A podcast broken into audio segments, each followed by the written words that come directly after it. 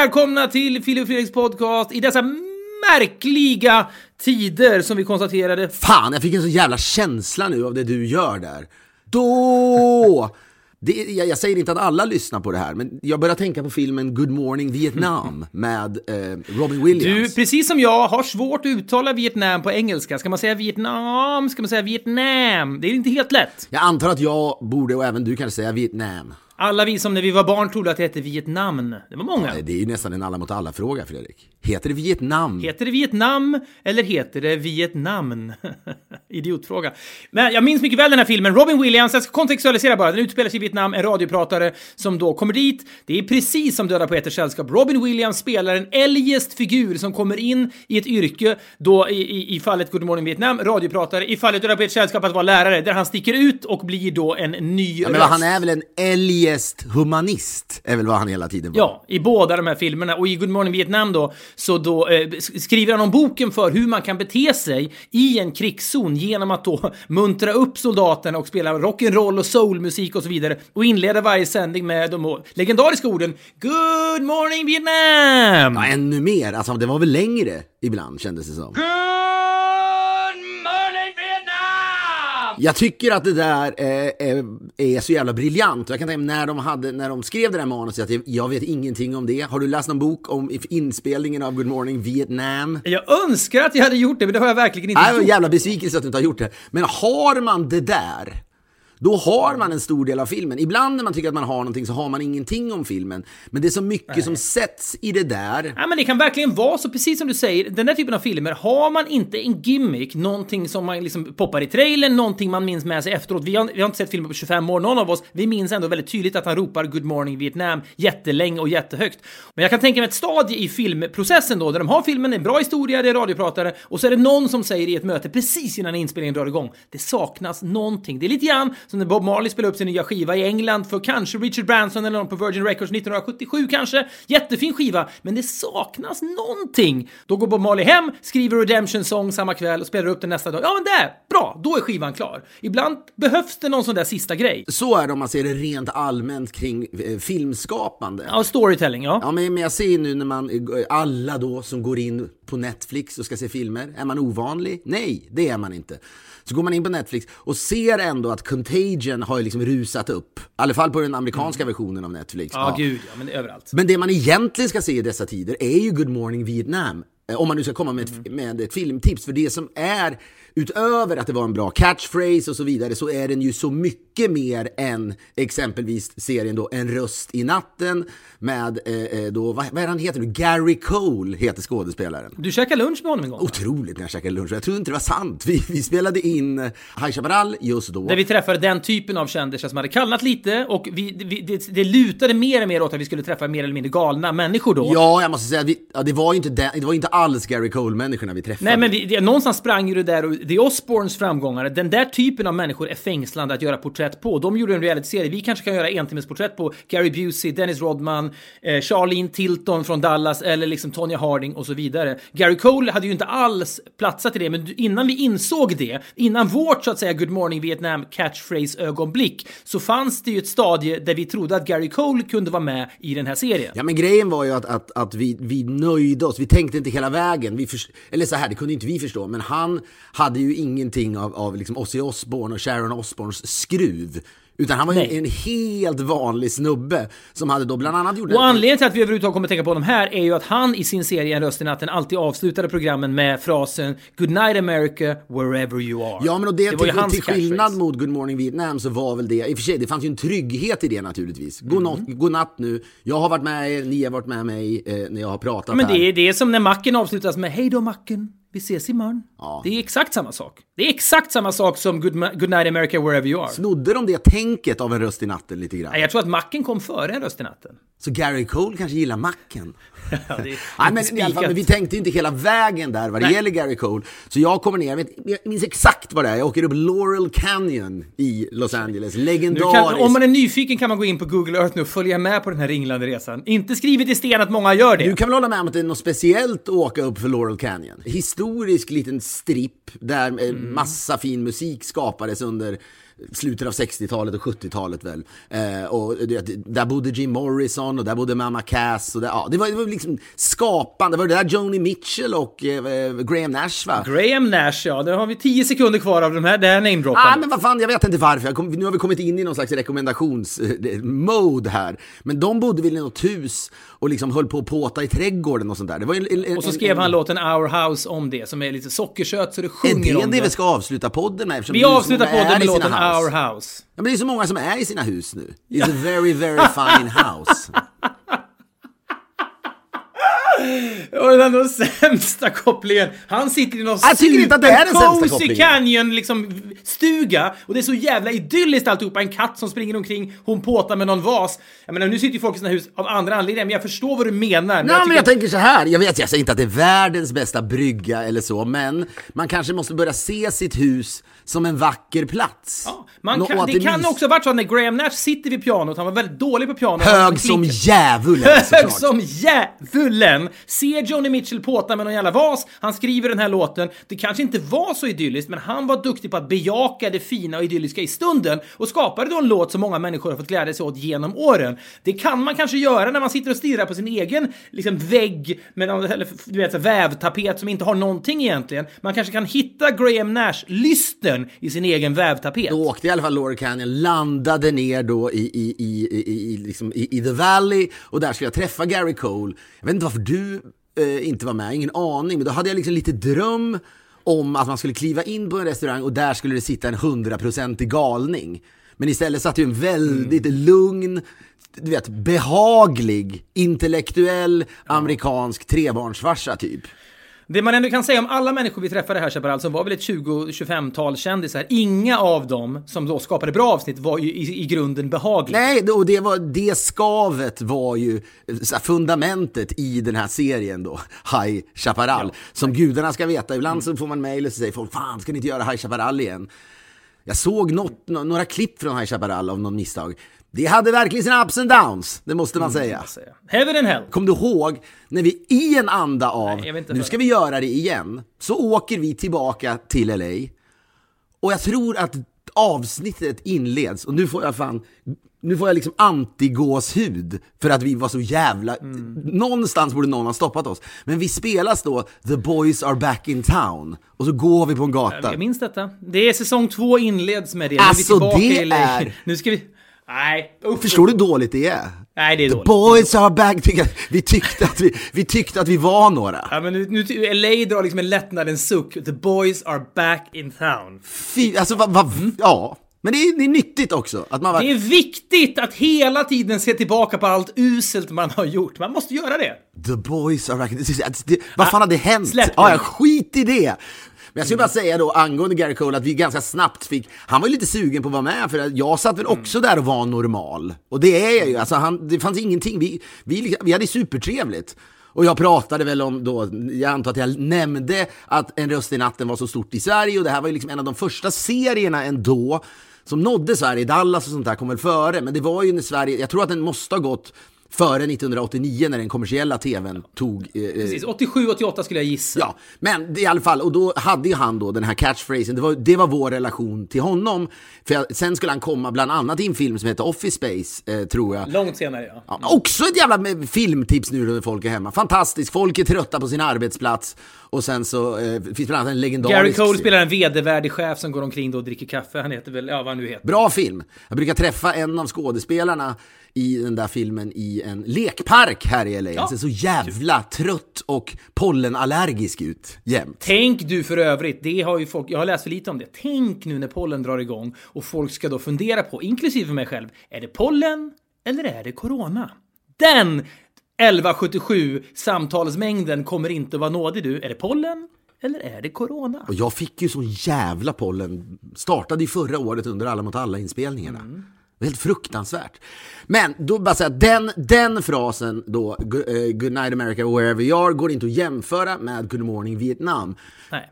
Vietnam. Fan vet! Eh, men men det, det som är när man har den catchphrase, jag håller med om man kan bara nöja sig med det är en bra catchphrase. Men det var ju så att säga krocken mellan Idag ska vi kanske ut i krig och stå Mm. vid fronten och så finns den här lyckliga li- Peter Sipen-aktiga DJn Ja. som spelar rolig musik och som låter lycklig varje dag han drar igång eh, eh, sitt program Mm.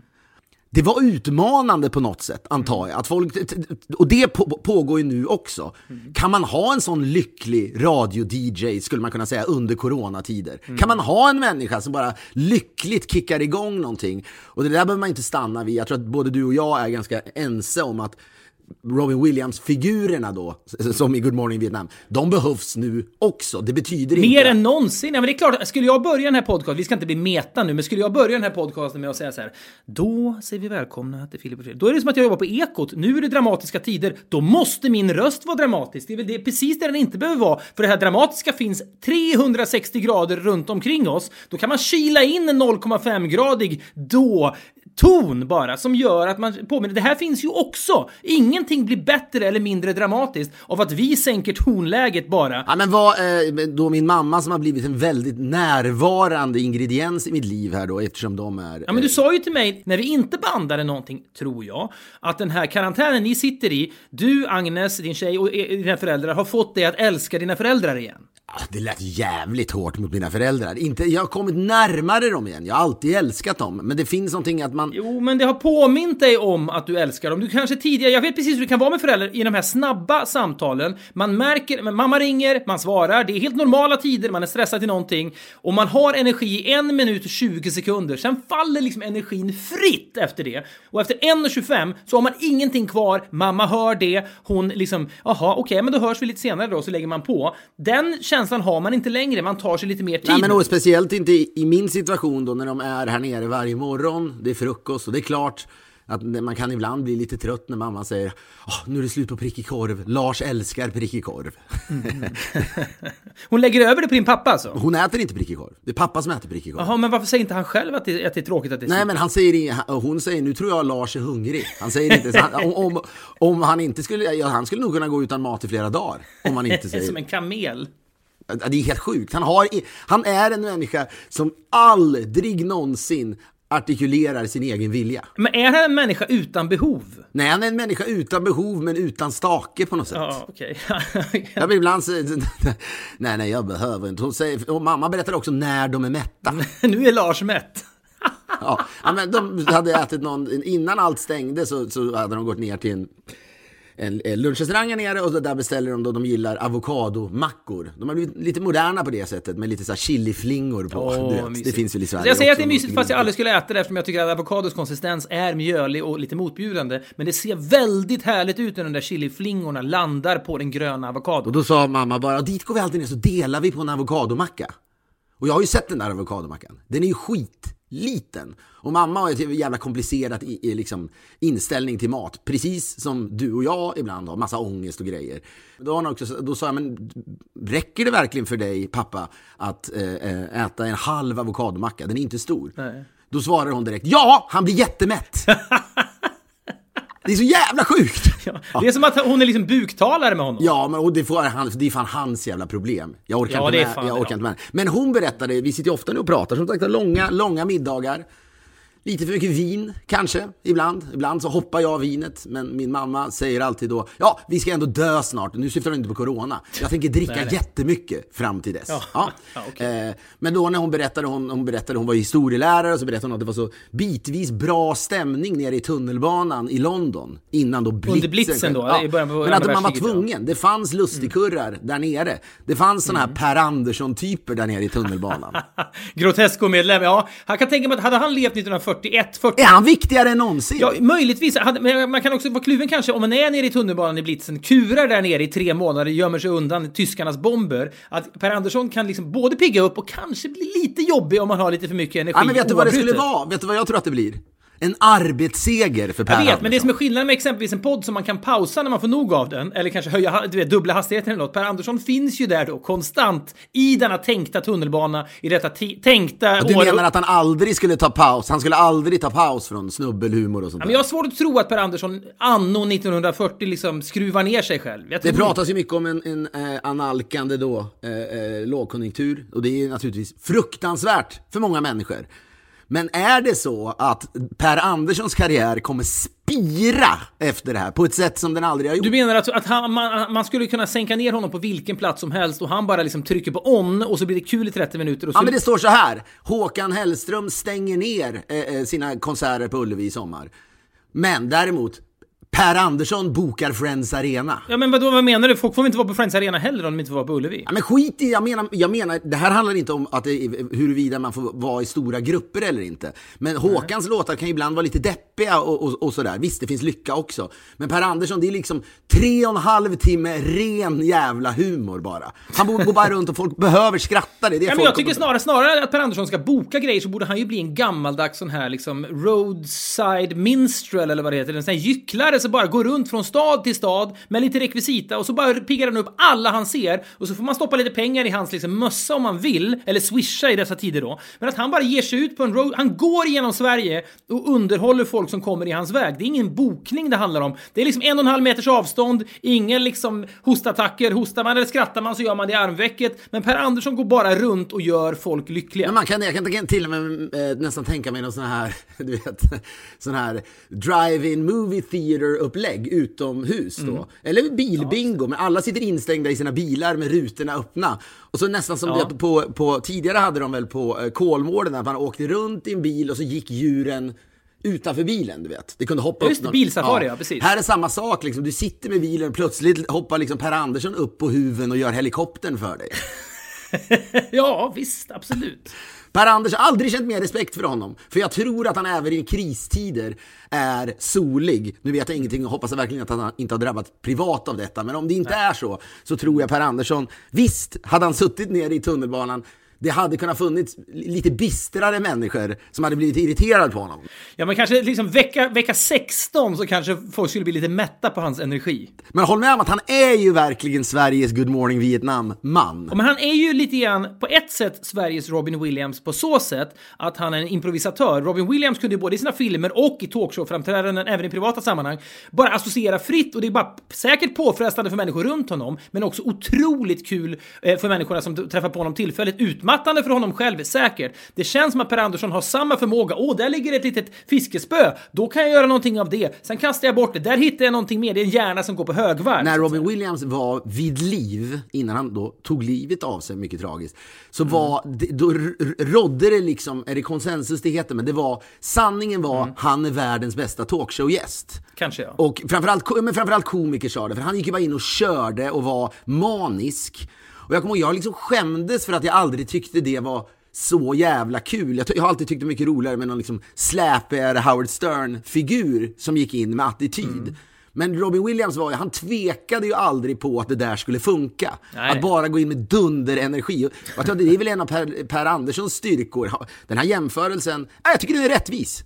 Det är, per Andersson har väl sina stunder då han säkert är lika rolig som Robin Williams också. Och stunder då han inte är lika rolig som eh, Robin Williams. Men han har det här otroliga självförtroendet också. Nu kör jag bara. Nu får vi se vad som händer. Vi är denna vecka sponsrade av, och det här är väldigt kul, vår nya sponsor Revolut. Det här är Europas snabbast växande fintechbolag. Det är en app kopplad med ett kort där du kan betala med, du kan skicka pengar globalt utan avgifter, växla valutor, donera i och mycket mer. Det är ett väldigt, väldigt smidigt sätt att hantera pengarna. Ja, och för mig då som är utlandsboende så är det så att det är en, en del av min vardag att hela tiden då om jag ska betala något i Sverige så kommer det med en massa avgifter och jag ska föra över pengar dit och, och det kommer även pengar från Sverige hit och så vidare. Eller om jag är skyldig dig pengar och ska då betala. Det sker inte så of, ofta längre, men om jag skulle vara det så kan man då skicka pengarna utan eh, avgift och sånt där är så jävla dyrt. Jag skulle vilja säga att det är tre saker som jag gillar oerhört mycket med det här och det är ju då att man kan koppla kortet till Apple och Google Pay. Det är fan bra. Och du kan också då växla mellan 29 olika valutor direkt i appen. Och vet du vad man mer gör då? Då lär man sig namnet på valutorna Fredrik. Det är lite Ja, alla mot här är väl alla också kunskap. kryptovalutor? Ja, absolut. Och så finns det då så här, det är liksom virtuella kort, eh, bland annat då för engångsbruk där kortdetaljer förstörs så fort du har använt det. Och det raderar då risken för att kortet ska bli använt någon annanstans där man inte önskar det. Så här, Revolut är helt kostnadsfritt om ni går in på filipochfredrik.live slash revolut. Jag säger det igen. filipochfredrik.live slash revolut så får ni då även fri frakt på det här kortet. Det är ett Visakort som kan användas överallt i hela världen. Gå in där, fyll i ert telefonnummer, starta igång ert konto. Vi kan verkligen rekommendera detta. Vi säger stort tack till Revolut. Vi är en vecka sponsrade av ATG och nu börjar ju då storloppssäsongen på riktigt när det gäller trav. Och travet, det rullar ju faktiskt på fortfarande trots detta, dessa märkliga tider. Loppen körs utan publik förstås, inte ens hästägare får vara på plats och kuskarna de undviker att vara nära varandra, bland annat då genom att byta om i bilen. Travet genererar ju arbete då för tusentals svenskar, allt från de här ATG-ombuden till hästskötare och tv-folk. Ja, men det här är ju en trygghet för många människor att, att, att, att ha ett intresse, att prata om storloppssäsongen då och så vidare. Och av den anledningen så är det fint att det här rullar på så länge eh, restriktionerna då följs. Och eh, ATG är ju sedan länge en stolt samarbetspartner då med det, eh, Sveriges paralympiska kommitté. Och Paralympiatravet är det första då trav, eh, travtävlingen ut i den här storloppssäsongen. Vilket då får extra fokus i år och framåt med Paralympiatravet. Så är det verkligen. Man måste vara 18 år för att spela och man kan kontakta stödlinjen. Vi säger stort tack till ATG. Min morsa, apropå det då, så pratar och vi sitter här då och min pappa sitter bara tyst och äter långsamt i slow motion. Han äter långsamt för att han vet att han har så lite mat att äta innan hans fru säger att han är mätt. Så det gäller att njuta av den där halva mackan. Nu tror jag Lars vill ha något litet sött efter maten. Har ni en kaka? Nej men sluta, är det så hela tiden? hela tiden! Ja. Jag har ju bollat med tanken på att göra det här till en liten reality-serie nu. Mm. Ett slags eh, Big Brother med världens lamaste man och hans, du vet, hans väldigt eh, energiska hustru som Mm. bestämmer allt för honom. Någon slags halv åtta hos Hammars helt enkelt och man, man tittar in när ni käkar middag helt enkelt. Ja, men jag bara, det händer mycket under de här middagarna. Eh, för att det, det, är, ja, det, är bara, det är bara absurda saker. Bara som att han, han, han, igår fick jag reda på att när mamma varit borta och rest, då har grannfrun bytt lakan för att han tycker det är så svårt att byta lakan. Vadå? Har det krypit fram på senare år? Att han, han, Ja, igår första gången jag hörde det. vadå, han vet inte riktigt hur man gör när man byter lakan? Nej, Han, mamma säger, det är för komplicerat för Lars. det, är, det är helt otroligt, eller hur? Men vad säger han då? Försvarar han sig alls eller? Ja, ja, jag har aldrig fått chansen att lära mig. Då sa jag, vad är det att lära sig? Har han väl? Det går ju att räkna ut så här. Det är inte som att lära sig hur, hur Pythagoras sats funkar. Det är bara att titta Men det är på inte grejer. så heller att han kommer in i ett rum, Lars Hammar kommer ju inte in i ett rum där det är en obäddad säng med prydligt ihopvikta lakan där han måste börja från scratch så att säga. Ofta är det ju så när man då bäddar om sin säng att sängen är bäddad. Man liksom demonterar sängen.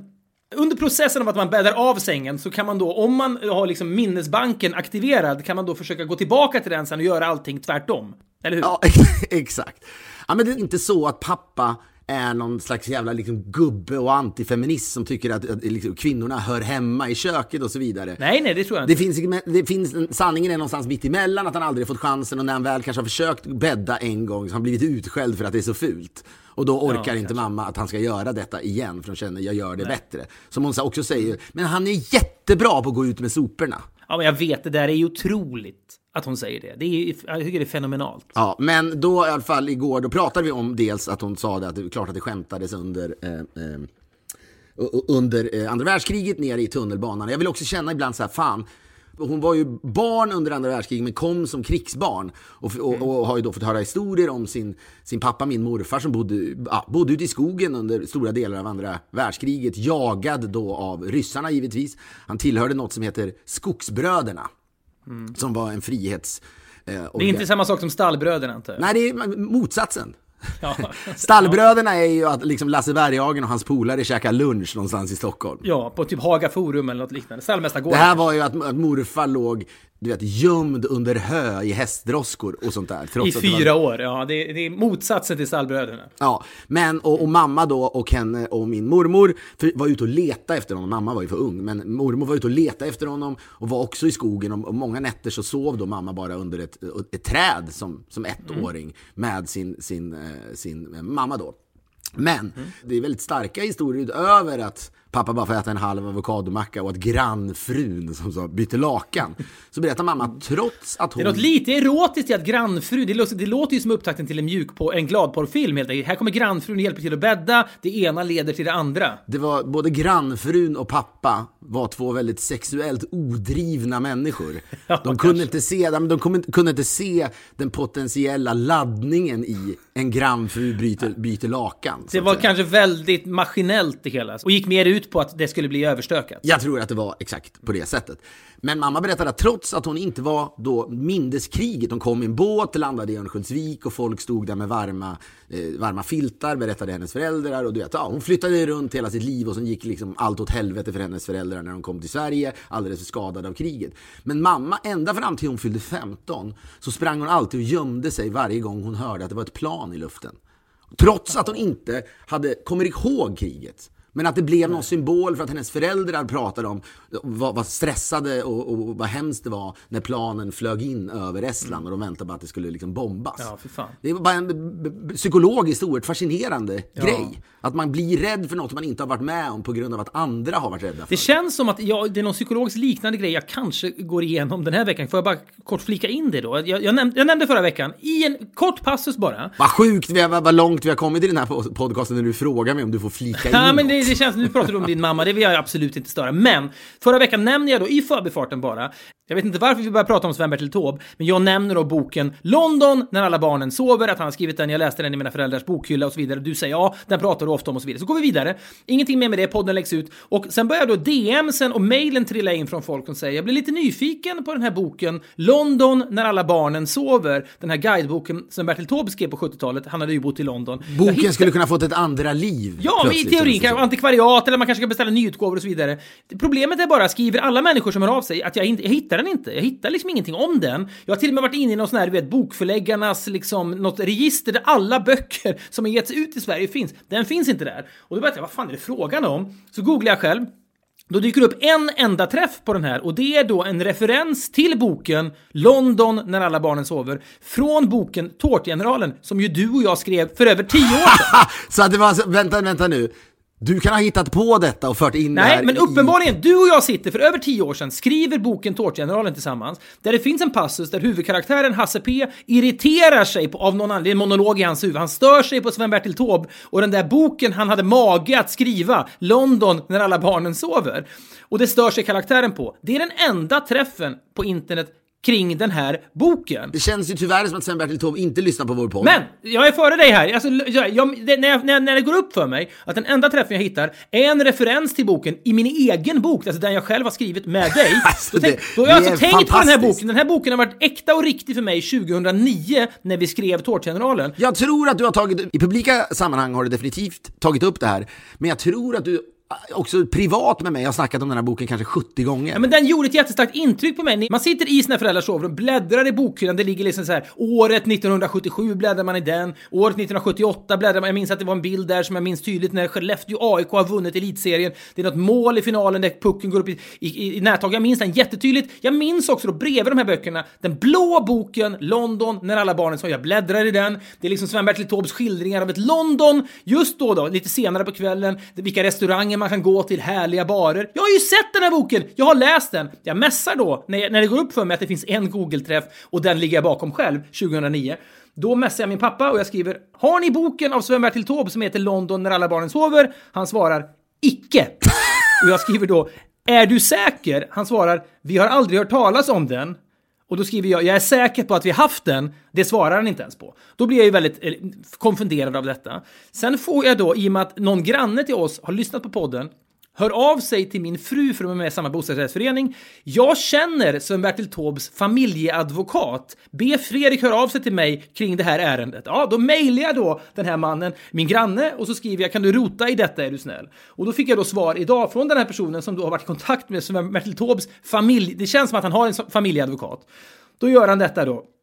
Och familjeadvokaten svarar Hej! Att ha en familj, jag måste bara säga en kort inpass, men att, att, att ha en familjeadvokat vittnar om avtrycket man har gjort i ett samhälle. Så det får det. man verkligen säga. Det är, är det en, inte ens en promille av svenskarna har ju en familjeadvokat känns det som. Men ingen har det. Jag undrar om det kan, är det, är det bara Taube-familjen som har det kanske? Jag vet Kanske, apropå- Förutom Wallenbergare och sånt där. Men jag Ja, men menar givetvis. i den För- kulturella svängen. Ja, men Okej, förut, vidare. apropå promille bara innan jag går vidare. Jag läste det i DN i morse, jag tror att det är skidåkerskan Stina Nilsson heter hon va, som har bestämt sig för att börja åka skidskytte istället. Kan det stämma? Det stämmer alldeles utmärkt. Ja, och då intervjuar de i en liten notis bara. Det här är ju bara någonting som sker i marginalen, men det piggar upp något så djävulskt. Då frågar de Björn Ferry, som är en gammal då skidåkare och skidskytt va. Ehm, hade du någon aning om detta? Att detta skulle ske, att Stina Nilsson skulle då byta sport. Det är ju en skräll av Guds nåde i den här sporten.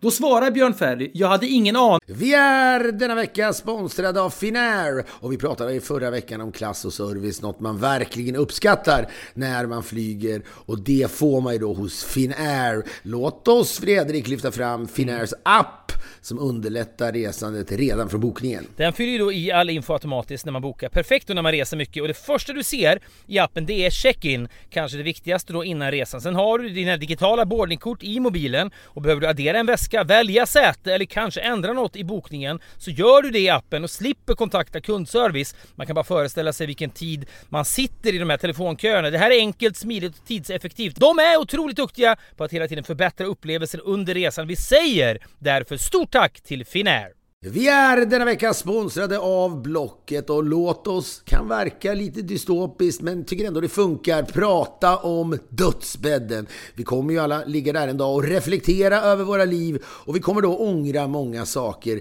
Eh, bland annat att vi inte köpte den där drömbilen som fanns i våra tankar under så många år. Ja Men kanske den där opraktiska sportbilen då som var en dröm från barnsben. Sen blir man vuxen med barn och så får man inte köpa en sån där bil. Men man skulle fan bara ha gjort det så att man inte ångrar det när man ligger där då. För på Blocket finns då bilar för alla med Sveriges största utbud av bilar till salu från privatpersoner som såväl bilhandlare. Gå in på blocket.se slash bilar och köp drömbilen på Blocket. Vänta inte så kan man då bocka av den på dödsbädden i alla fall. Det tackar vi Blocket för. Eh, vi är denna vecka sponsrade av DPJ Workspace. Eh, det är ju din partner då för kontorsmöbler och inredning sedan 1995. Köper du en stol eller ett bord eller vad det nu kan vara i år, 2024 alltså, så har du garanti till och med 2034. Vilket innebär, Fredrik, hur många års garanti då? Det är 10 års garanti, det är ett decennium. Kan man säga något annat än att de vet att det är hög kvalitet på sina grejer? De har otroligt mycket snygga och bra produkter. Allt ifrån snygga designstolar till belysning och loungemöbler. Alltså ett komplett utbud. Helt enkelt med riktigt schyssta grejer. De ska hålla länge, det ska vara snyggt och det ska funka bra för alla typer av behov som finns. Och har man funnits sedan 1995 som DPJ har gjort så kan man sannoliken sin grej. Gå in på dpj.se och läs mer. Vi säger stort tack till DPJ Workspace. Vi har ett betalt samarbete med Syn nikotinpåsar och det här meddelandet riktar sig till dig som är över 25 år och redan använder nikotinprodukter. Syn innehåller nikotin som ett mycket beroendeframkallande ämne. Syn kommer i olika smaker, styrkor och format och nu lanserar Syn en helt ny smak inom mint. Syn Slim Cool Frost som har en tydlig smak av kylande pepparmint och mentol. En långsmal helvit prilla och enligt 90% av 366 vuxna konsumenter har den en långvarig smak. Läs mer på nikoniko.com och klicka in på syn. Glöm inte att slänga din tomma dosa i plaståtervinningen. Vi säger stort tack till syn. aning. Jag hade 0,000 procents aning. Och det, är, det ett, är det ett skriande rop på uppmärksamhet att liksom, om jag svarar 0 procent, vilket är i sanningen, jag kan också lägga till tre decimaler som är helt identiska för att få lite mer utrymme i den här notisen. Jag har aldrig hört någon säga 0,000 procent. Fast jag tycker att det är, eh, det är en, en bra illustration. Att han lägger till det där gör att jag känner jävlar vad han inte var medveten om Det är detta. tryck i hans personlighet när han gör det. Skitsamma då i alla fall. Jag, Men i alla fall, vad säger familjeadvokaten Han då? säger då, hej! har nu kollat med Sven-Bertil och han har inte skrivit den boken. Nej, det är så sjukt. Det är så jävla... Men jag, jag vet, alltså vet jag, det lustiga nu att jag läser en bok, en, som en väldigt hyllad roman som har kommit ut nyligen som heter Splendor, som är skriven av en man som heter Stefan Lindberg, som är en 50-årig svensk författare. Han har gjort, eller skrivit fyra, fem böcker kanske, ganska hyllad. Jag hade inte riktigt koll på honom tidigare. Och eh, i den här boken bland annat då så, så tar de preparat som gör att de kan liksom gå in i varandras liv och man träffar folk man inte har träffat. Han träffar en karaktär som har träffat honom i Berkeley när han pluggade där, men han har ju inte pluggat där. Hur kan de då ha träffats där? Det är så här, man, man börjar tvivla på sin egen identitet och så vidare. För övrigt, i den här boken så skriver Stefan Lindberg då att han går ut på Insta och så tänker jag, har den där jäveln Insta på riktigt kanske? Så går jag in, ser att han har Insta, ser också att han följer dig, men inte mig och blir då så äcklad att jag är beredd att lägga ifrån mig den här ypperliga romanen. så är det! Det kan jag tillstå. Att Ja, även om det det pågår det som- kaos i världen omkring en så har man kvar den där missunnsamheten och oginheten. Det tappar man inte fast det är coronatider så att säga. Men oaktat detta, jag känner mig som en s- karaktär i den här boken. Jag, jag börjar tvivla på vem fan jag är. Jag vet ju att jag har läst den här boken, men den finns inte. Vad fan ska jag göra? Men, men så här, det här är ju, vi har väl pratat om den förut och det finns ju kanske fler filmer som jobbar på samma tema. Men just det här som i den här filmen då, med mustaschen, eller boken Mustaschen, en man går in, han har, eller så har han alltid haft mustasch, går in på toa, rakar av den, kommer ut till sin familj och de eh, märker ingenting. Nej. Och han blir, han blir galen av detta eftersom, vad fan, jag hade ju mustasch. Ja, men han säger till sin fru så här, jag har ju rakat av mustaschen. Du har aldrig haft mustasch. Jo, men jag skaffade ju mig den när vi var på besök i Antibes. Vi har aldrig varit i Antibes. Det vill säga, han tänker, vad fan är det frågan om? Ingenting av det jag tar för givet är en sanning längre. Ja, det, det, det där är, jag vet inte fan, kan det vara så att någon annan har skrivit den här boken? Att det bara är Sven-Bertil Taube som är fel? Men jag vet, jag vet ju att han har skrivit Det här är, jag, vet- tror att... jag, jag tänker också, är det, är det de märkliga tiderna som gör att jag mår extra dåligt av det här? Jag kanske bara har Nej, av det mig tror det här. jag fan inte jag vet vad jag tror att det är. Jag tror att det är så här, ibland orkar man, det finns en gammal teori i någon jävla Woody Allen-film om det är Manhattan kanske, de går omkring på något planetarium och så ska då liksom Woody Allen ragga på Diane Keaton genom att säga att jag tror att vi människor skapar neuroser och små hypokondriska liksom anfall, man är orolig för relativt, inte små saker kanske, men åtminstone väldigt privata, personliga saker. För börjar vi fundera på universum, då blir vi galna. Då är det bättre att liksom skapa, så att säga, egna neuroser. Det är roligt också vad som triggar en att prata, eh, liksom fundera eh, på eh, universum, alltså vad som får en att bli existentiell kanske, och vad som får en också att bli rädd för sin egen mentala hälsa. Ja. Att det liksom i din Wikipedia-presentation eller entry, vad det, vad det lider, står att Fredrik Wikingsson likt eh, Ted Gärdestad gled in i en mycket svår depression som sen ledde till liksom, en dubbel personlighet efter att han insåg, eller efter att, att folk eh, liksom aktivt förklarade för honom att Sven-Bertil Taube inte hade skrivit en guidebok om när, barnet sov, när barnen sover. I London, nej men vet, jag tror så här, jag, det kan ju vara så att min hjärna känner på sig att jag inte riktigt beredd eller mottaglig för hela corona liksom cirkusen och allt det som kan komma nu de närmaste veckorna. Att den kanske bara går till någon slags, inte ett happy place, utan tvärtom, men det är ett, det är ett unhappy place det här med Sven-Bertil Taube. Men genom att bara mm, gona in sig i olycka och neuros över det, så slipper hjärnan processa det här mycket, mycket, mycket större som ligger där utanför. Vi pratade ju för någon vecka sedan om att, att jag, eh, vi sa till vår eh, klippare då, eh, innan podden eh, började spelas in, när vi trycker på record, att det hade varit kul att ta en öl med honom någon gång och så här vidare, att han inte vill det sen. Och kom du ihåg att jag då sa, jag har fått ett svar av honom kring det här. Så började du ifrågasätta det för att du inte hade fått svaret. Och eh, det visade väl sig sen att han ha- faktiskt hade skrivit att vi skulle ta en öl. Men det var ju samma sak jag upplevde då. Det är obehagligt när man, man känner det där. Men vänta, har jag bara, har jag bara hittat på det här? Men och det, det här är ju mycket värre, för det här har ju du pratat om i åratal som att det är liksom en av de, en av de mest så här, kassaskåpssäkra sanningarna i Ja, världshistorien. men så här, det är precis som du säger, om jag bara liksom, i förra veckans poddavsnitt får för mig detta, men bevisligen har jag 2009, när vi sitter och skriver boken Tårtgeneralen, också varit upptagen av det här starka barndomsminnet av boken London när alla barnen sover, skriven av Sven-Bertil Taube. Jag vet precis hur den ser ut. Jag vet inte, ja, jag- det är kanske skönt för mig att bara vila i den här ovissheten och Men det är galenskapen. så kreativt. Det liksom, finns ju inget kreativt i att eh, vår klippare David Mer svarade och sa att han vill ta en öl. Nej. Det här är ju en väldigt, väldigt komplicerad avancerad konstruktion. Och jag blir så fall. besviken på mina föräldrar. Hur kan de inte komma ihåg den här? För den här boken är ju rimlig. Den borde finnas. Din pappa är ju just nu människan, eller frun i boken Mustaschen, som säger Ja. du aldrig haft mustasch. Min pappa håller egentligen då mi- mitt mentala välbefinnande i sina händer och han väljer att bara kasta ut mig. Han, han hade ju kunnat ljuga och säga ja den står här, du får se på den när du kommer ner nästa gång. Då hade jag ju mått jättebra. Men då kanske jag hade behövt börja tänka på corona mer, jag vet inte. Den där anekdoten griper tag i mig. Det där, det där tycker jag är väldigt, väldigt konstigt. Men jag vill också säga en sak, så bara jag kände Jag säga, nu. vet ni någonting om detta får jag ändå säga. Maila till podcast.poddff.com. Det kan ju vara så. Jag vet inte vad det kan vara. Det finns ju ingen förklaring Ja, längre. men det är om någon annan har skrivit den här boken. Ja, möjligen. Men eh, vad säger jag, fick nästan känslan, vad kul det är att podda. Ja, vad härligt. Det är det! Det är jättehärligt! Vi är denna vecka sponsrade av Max Burgers, Sveriges godaste burgare. Vi har ju pratat tidigare. Det omskakande, det ljuvliga när vi smakade Deli Fresh Plant Beef första gången. Den här då helt växtbaserade paddyn som man säger, eller det som var köttet förut då, som smakar precis som kött. Och utöver att det är så jävla gott, för det är det, den är som sagt var helt växtbaserad och den säljs som då 4 gånger 90 gram och man kan ju både grilla och steka den och så vidare. Men det är någonting man, när man du vet, plockar fram det här paketet nu då som alltså säljs i dagligvaruhandeln.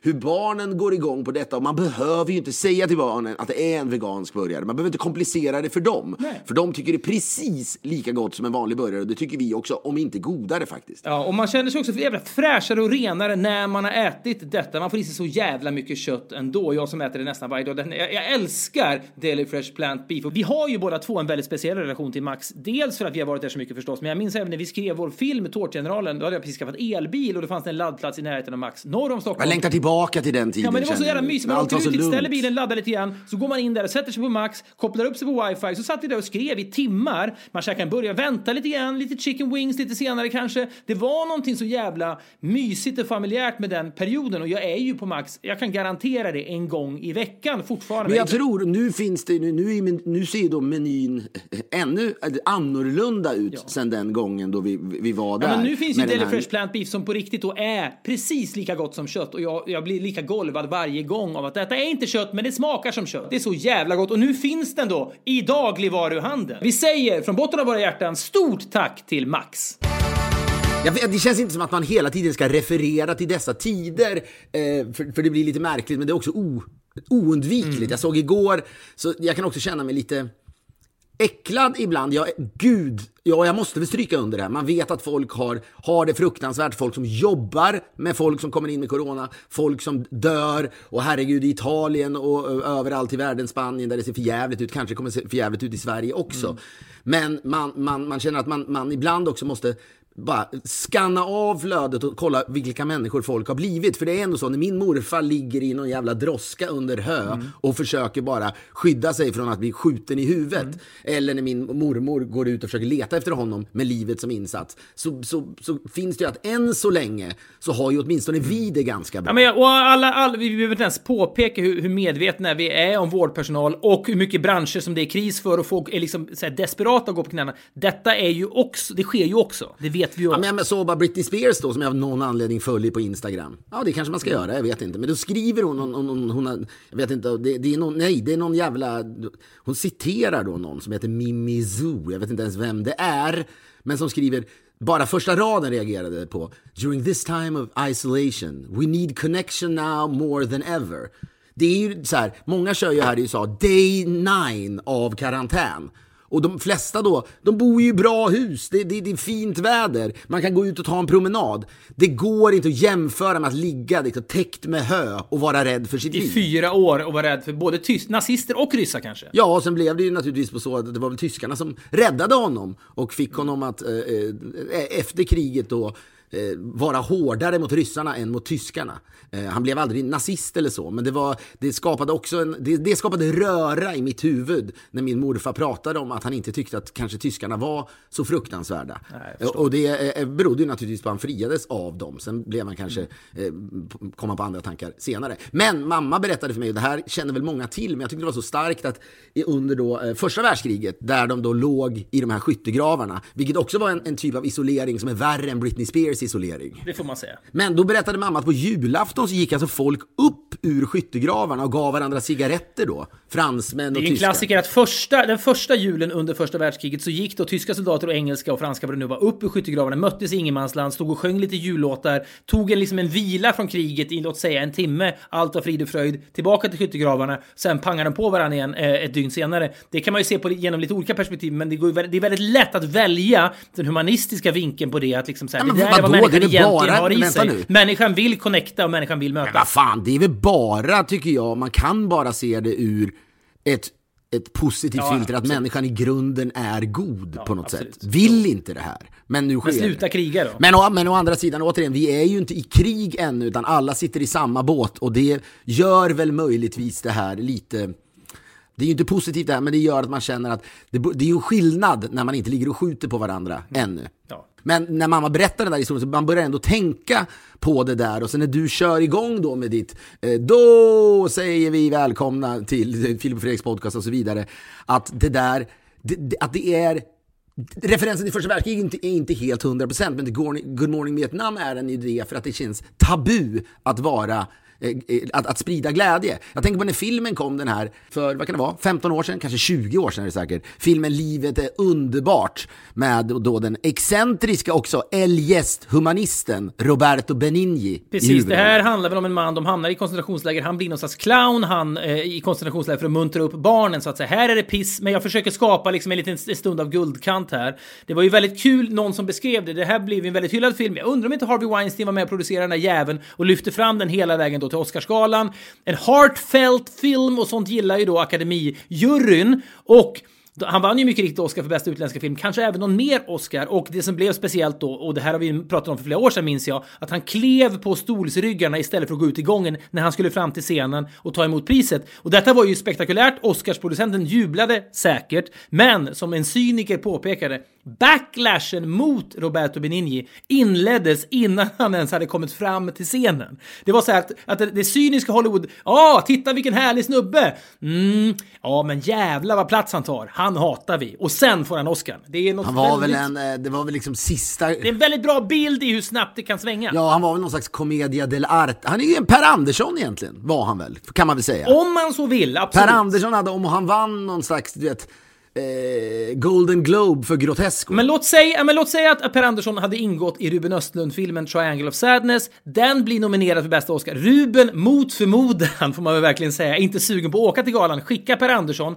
Filmen vinner. Per Andersson får gå upp då, mot och pris för bästa utländska film. Han går på stolsryggarna. Det har, det har han definitivt i sig att göra. Backlashen mot Per Andersson skulle då kunna inledas innan han ens kommer fram till scenen. Men, det, och, men det kan vara lite värt då, som jag säger, i Contagion, ja, man, jag vet inte fan, men jag blir...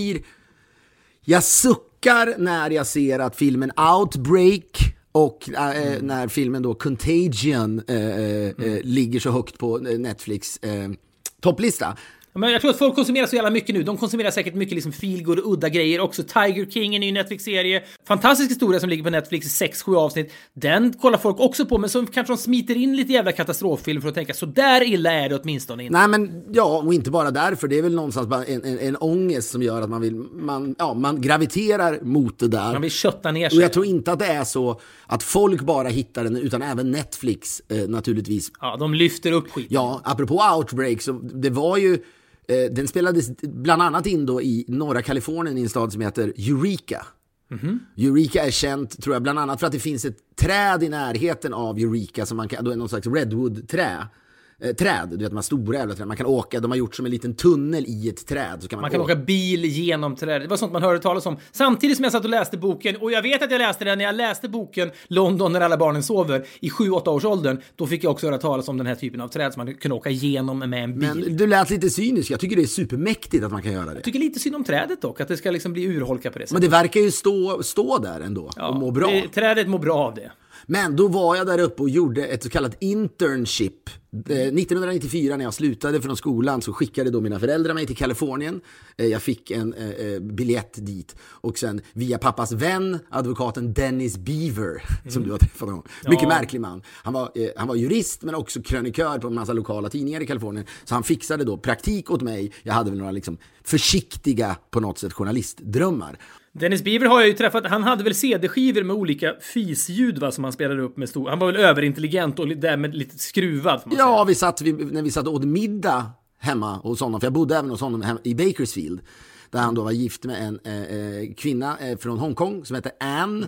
Och middag, hon, var, hon suckade ändå, men mot slutet av många middagar då satte han på en CD med pruttljud och så satt vi alla runt bordet och Det skrattade. här var ju en fullvuxen man som jobbade som advokat. Ja, men det är också lite Per Anderssonskt.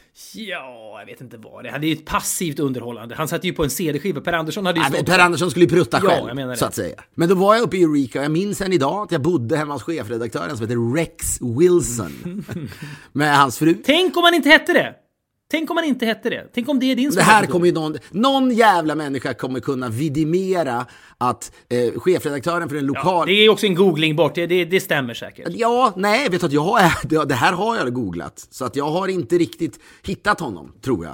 Eh, men i alla fall, men då var ju den stora grejen utöver det där trädet var att Outbreak spelades in där. Men då måste jag ändå ifrågasätta detta, för Outbreak, när kom egentligen den du? Ska jag kolla här. Outbreak, Dustin Hoffman. Orkar inte att jag har fel nu. Eh, den är från 1995, Filip. Då hade du faktiskt inte eh, varit där. Ja, men då, jo, vet du vad? Den hade såklart spelats in men inte kommit ut. Den kanske, men var det 1994 då? Det kanske var precis samtidigt då? Visst? Fan Ja, men det jag minns det så tydligt. Är, ja, visst, du, nu, du vill att jag ska ha min egna London när alla barnen sover mindfuck-grej Det hade varit så underbart om filmen hade kommit ut 2002 och du bara tror att du har varit där och pratat om den 1994. Men okej, det- it makes sense. Den spelades in samtidigt som du var där. Det som var speciellt med Outbreak, det handlar om ett virusutbrott. Dustin Hoffman är någon slags forskare som då tar tag i detta. René Russo är med också. Oj, oj, oj, får jag bara säga, jag måste stoppa dig direkt. Det här ser jag nu, Time Standard hette tidningen. Och jag vet inte vilken dag det här är. Former Time Standard editor Rex Wilson dies at 70. Mm, vad sorgligt. Nej, han dog den ni- 9 december 2019. Ja, men det, jag har ju åtminstone... Du minns honom? Wilson died at his residence in Zapopan, Mexico. Following a stroke and lung cancer. Han var otroligt jävla fantastisk Fin. mot mig. Formade dig lite. Jag bodde där hemma. Det som var speciellt med Outbreak var ju också att Dustin Hoffman går omkring i en sån här dräkt då, som på engelska heter hazmat suit. Och det är så alla amerikaner känner till den här heltäckande då som man skyddar sig mot virus och vad fan det nu må vara. Allt möjligt skyddar man sig. Men i Sverige blir det här känt som outbreak-dräkt. Och vid flera tillfällen när jag och du har varit i USA och man pratar om den här typen av dräkter så vet man inte riktigt att det heter hazmat suit. För på svenska inom citattecken heter det outbreak suit. Så när man pratar om en outbreak suit för folk då förstår de inte vad man pratar om. Det har blivit ett engelskt ord på svenska som inte finns på engelska. Men när man ser då Outbreak och Contagion ligga där, jag fattar allt detta till 100%. Men jag försöker åtminstone själv undvika det där. Eller sätter du dig och ser nu Outbreak? Ja, sanningen är att jag såg Contagion för, för kanske tio dagar sedan och liksom, eller scrolla lite. Den, har ju, den är ganska eff- effektivt berättad. Men det är... Fan jag, vilken jävla scrollande människa du är. Om folk visste hur scrollande du är.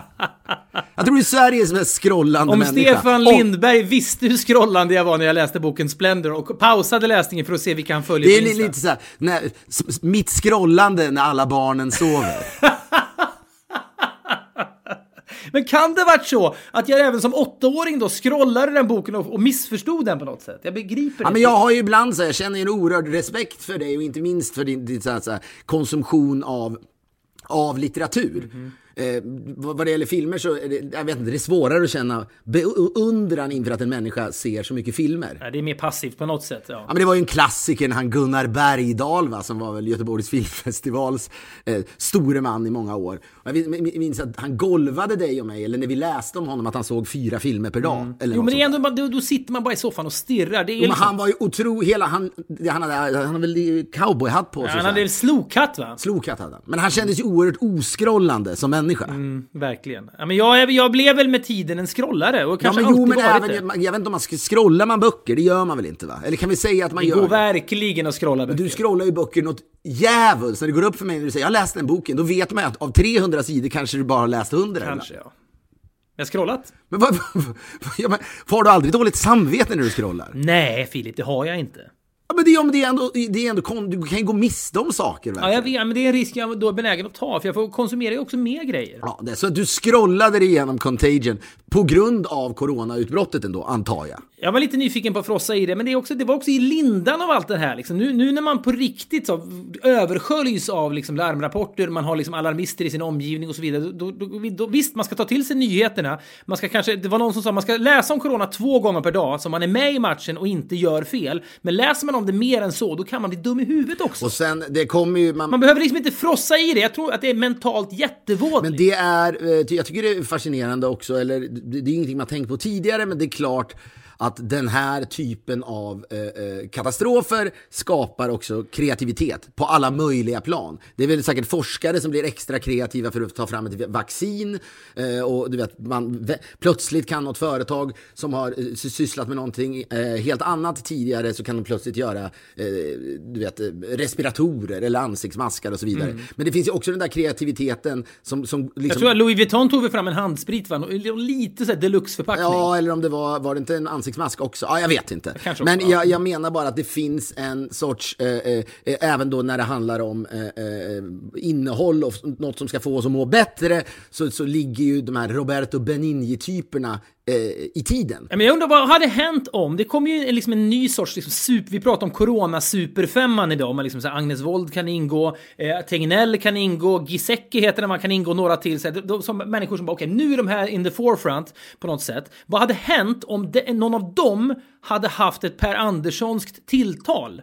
Det hade ju varit en otroligt ny roll. Ja, eller ska, ska Per Andersson vara med i Superfemman? Ja, men det, är inte, det skulle kunna bli distraherande om Gisecki eller liksom Tegnell står och berättar om planerna för liksom framtida liksom sjukvårdsplatser och så vidare. Så står Per Andersson bredvid och gör liksom dansa fågeldansen. Och nu, dags för Per Andersson att göra helikoptern, så avslutar man. Ja, men det går ju inte. Men tänk om det, det hade varit helt nytt ändå, för de här experterna i alla olika länder påminner ju lite grann om varandra. Trovärdighet är ju A och O. Tänk om det hade gått att para det med ett Per Anderssonskt tilltal. Det hade ändå varit helt nytt. Att inte tappa trovärdigheten, men att man får alla att vrida sig i skratt, liksom konvulsioner på presskonferenserna. Samtidigt som informationen och, når det ut. ändå, och att det ändå känns rätt i Ja, magen. det hade ju varit en, otroligt. en människa med en fingertoppskänsla som mänskligheten aldrig tidigare har fått du vet, stifta bekantskap med. En improvisationsförmåga och en komisk timing parat med expertis och möjlighet att vara tydlig kring restriktioner, vad gör vi med afterskin och så vidare. Men folk vrider sig av skratt samtidigt som budskapet når ut.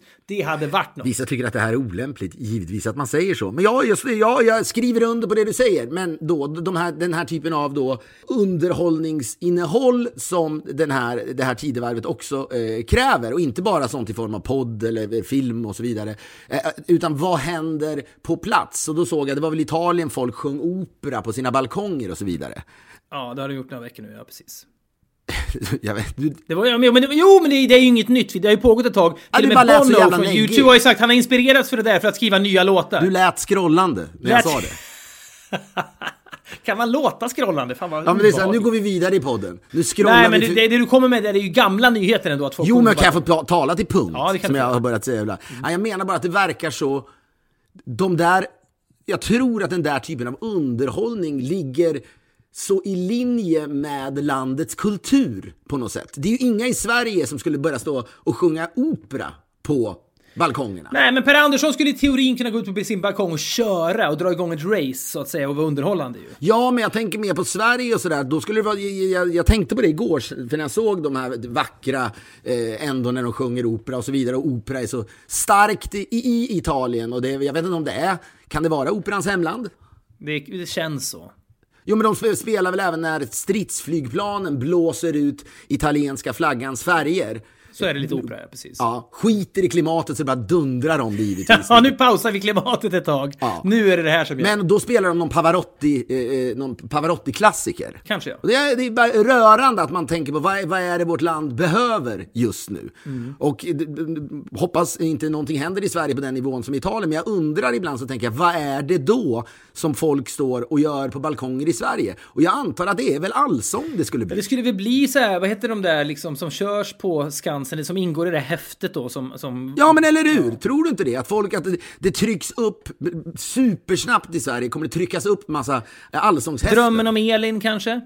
Ja, och, liksom, och, och, och Lasse, Lasse Berghagen kvicknar till kanske. Ja, och, och, står, står och gör det här. Jag tror det, det, det är så... Visst, skulle Lasse Berghagen bo i ett stort hyreshus, vilket jag tvivlar på att han gör, går ut på sin balkong och stämmer upp i liksom Stockholm i mitt hjärta och han råkar då bo i Ja, Stockholm. men eller, eller liksom, han tog av sig sin Ja, kavaj. visst. Ja, det hade varit otroligt. Men, Men jag- det hade varit väldigt märkligt då när, liksom, när italienare skulle nås av de klippen från Sverige. skulle det vara noll gåshud. För det, Vet du vad det skulle vara? Det skulle vara, det skulle vara att ge italienarna ett skratt som de mådde bra av. Ja, de ska titta på svenskar. Nu försöker de göra sin grej och det låter ju för jävligt. Men jag, jag, jag bara tänkte på det, här, för i såna här tider, jag pratar om att jag känner mig närmare min familj och man tänker på sin familj och så vidare på alla, alla möjliga sätt. Men det finns också landet som familj. Och där, och där då när man, ska, när man ska skapa något lugn och trygghet, då tar man, då är det, och det där sker organiskt. Det är bara någon, alltså, vad som, som funkar. Operan har funkat i eh, Italien och jag tror att vi i Sverige skulle kunna se, jag kan inte tänka mig något annat än en allsång. Nej. Jag förstår inte vad det skulle vara. Det är klart, om det kommer midsommar och så vidare så kommer, det, kommer man fira midsommar på sina balkonger och skrika till varandra och så vidare. Ah, vet du vad?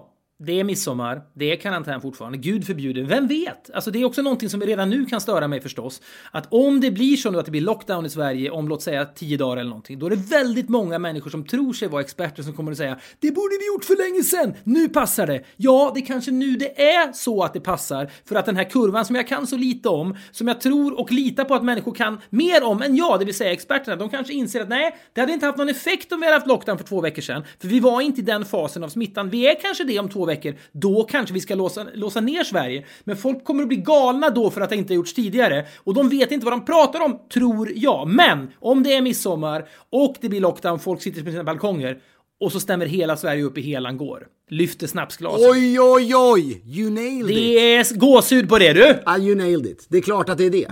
Det är klart Måtte det inte bli så, men sitter folk där, det skulle bli en sån stötvåg av Ändå, mitt i allt elände, någon slags känsla av gemenskap. Det är stark sprit, det är en lättbegriplig allsång som alla kan ställa upp i. Man drar i sig den och så sjunger man Sjung hopp fader Allan Lej tillsammans. Ja, Jag kan nästan böla när jag tänker på vad det på något bisarrt sätt skulle ändå göra. Ja, men och det är intressant. Man fick också en inblick över hur våra processer funkar här, man är intresserad av det. Jag ger ett förslag som är ganska bra. Det är tre plus, Men sen så, sen så slipar du till det och hittar den liksom ultimata bilden för ett lockdownat Sverige på midsommar. Det är ett lockdownat Sverige som i 30 sekunders YouTube-klipp sammanfattar ett helt, ett helt lands mentalitet och skulle ändå skapa någon slags jag vet inte, det blir inte nationalsång av det givetvis, men det, det, skulle, det skulle liksom bli ett sånt jävla moment, tveklöst. Och det vet du vad som skulle ske, det här kan du hålla med om. Om nu Håkan Hellströms fyra konserter på Ullevi blir av, Mm.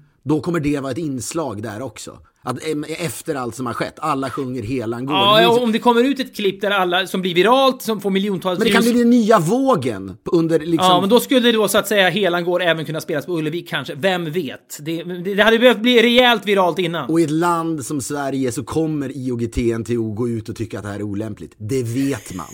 Ja, men då, då ler man snett och tänker de gör också sitt jobb. Och så, så är man varm i sina tankar om deras liksom, nymoralism eller moralism. Om man säger. Och så, så gör det inte så mycket för man har förenats i det här ögonblicket. Som sagt, måtte det inte bli så. Vi får verkligen se vad som händer de närmaste dagarna. Vi ska säga två saker. Det ena är Alla mot alla rullar måndag till torsdag klockan 10. Titta gärna på det. Det är en jävla trevlig stund att avsluta Och dagen. jag vill även, jag vill stryka under nu, det känns viktigt. Visst, här sitter vi och det kan låta som vi nasar grejer. Men jag tror att det är nyttigt som du sa Fredrik. Man kanske inte ska läsa mer än två gånger om dagen om, om det här viruset. Och då kan ju alla mot alla få en att glömma det här. Ja, men det viktiga är så här, man, man läser vad som pågår, man följer förhållningsregler så man inte gör det här värre. Sen kan man göra precis vad man vill för att själv må ändå bättre. Och vi kommer ju då, det här är ett litet nytt initiativ, vi får se hur länge vi kommer att göra detta. Vi började för ett par dagar sedan, tror jag, det här läggs ut på torsdag det här avsnittet. Vi började i tisdags med någonting vi kallar för ett glas öl med Filip och Fredrik. Det sprang ur att du och jag tänkte vi kunde checka upp på varandra en gång per dag. Du sitter i karantän i LA, vi kan inte träffas, jag är här. Vi tar en bärs Kvällstid för mig, lunchtid för dig, snackar av liksom, hur mår man egentligen, hur är läget där du är och så vidare. Och så lägger vi ut det på Dplay live 21.30 till typ 21.45 kanske, jag vet inte hur länge vi sitter. Ta gärna en öl med oss, vin kanske, absint kanske, Cola Zero om ni dricker det. Men det vore lite mysigt att bara förenas en liten kort stund live 21.30 varje kväll på Dplay. Podden lever vidare. Det är underbart att ha den här stunden med er varje vecka. Jag tycker vi avslutar podden som vi utlovade tidigare med låten Our House då, där Graham Nash romantiserade ett skjul i Laurel Canyon. Sitter man i ett hus nu, inte går ut så mycket, kan man romantisera det man sitter i. Försöka göra det bästa av situationen, men jag tycker också att den sömlöst ska gå över i helan går och ett eventuellt scenario där svenskar förenas i detta på distans på balkonger. Vi hoppas att det inte blir så. Det kan bli så. Sånt måste man också tänka på i dessa tider. Vi tackar för att ni lyssnar. Vi är strax tillbaka. Ta hand om er! Puss, hej! Our house is a very, very, very fine house with two cats in the yard. Life used to be so hard. Now everything is easy cause of you. Helan går, sjung hoppalalalala Ja, helan går, sjung hoppalalalala Och helst vill helan har han heller inte halvan vår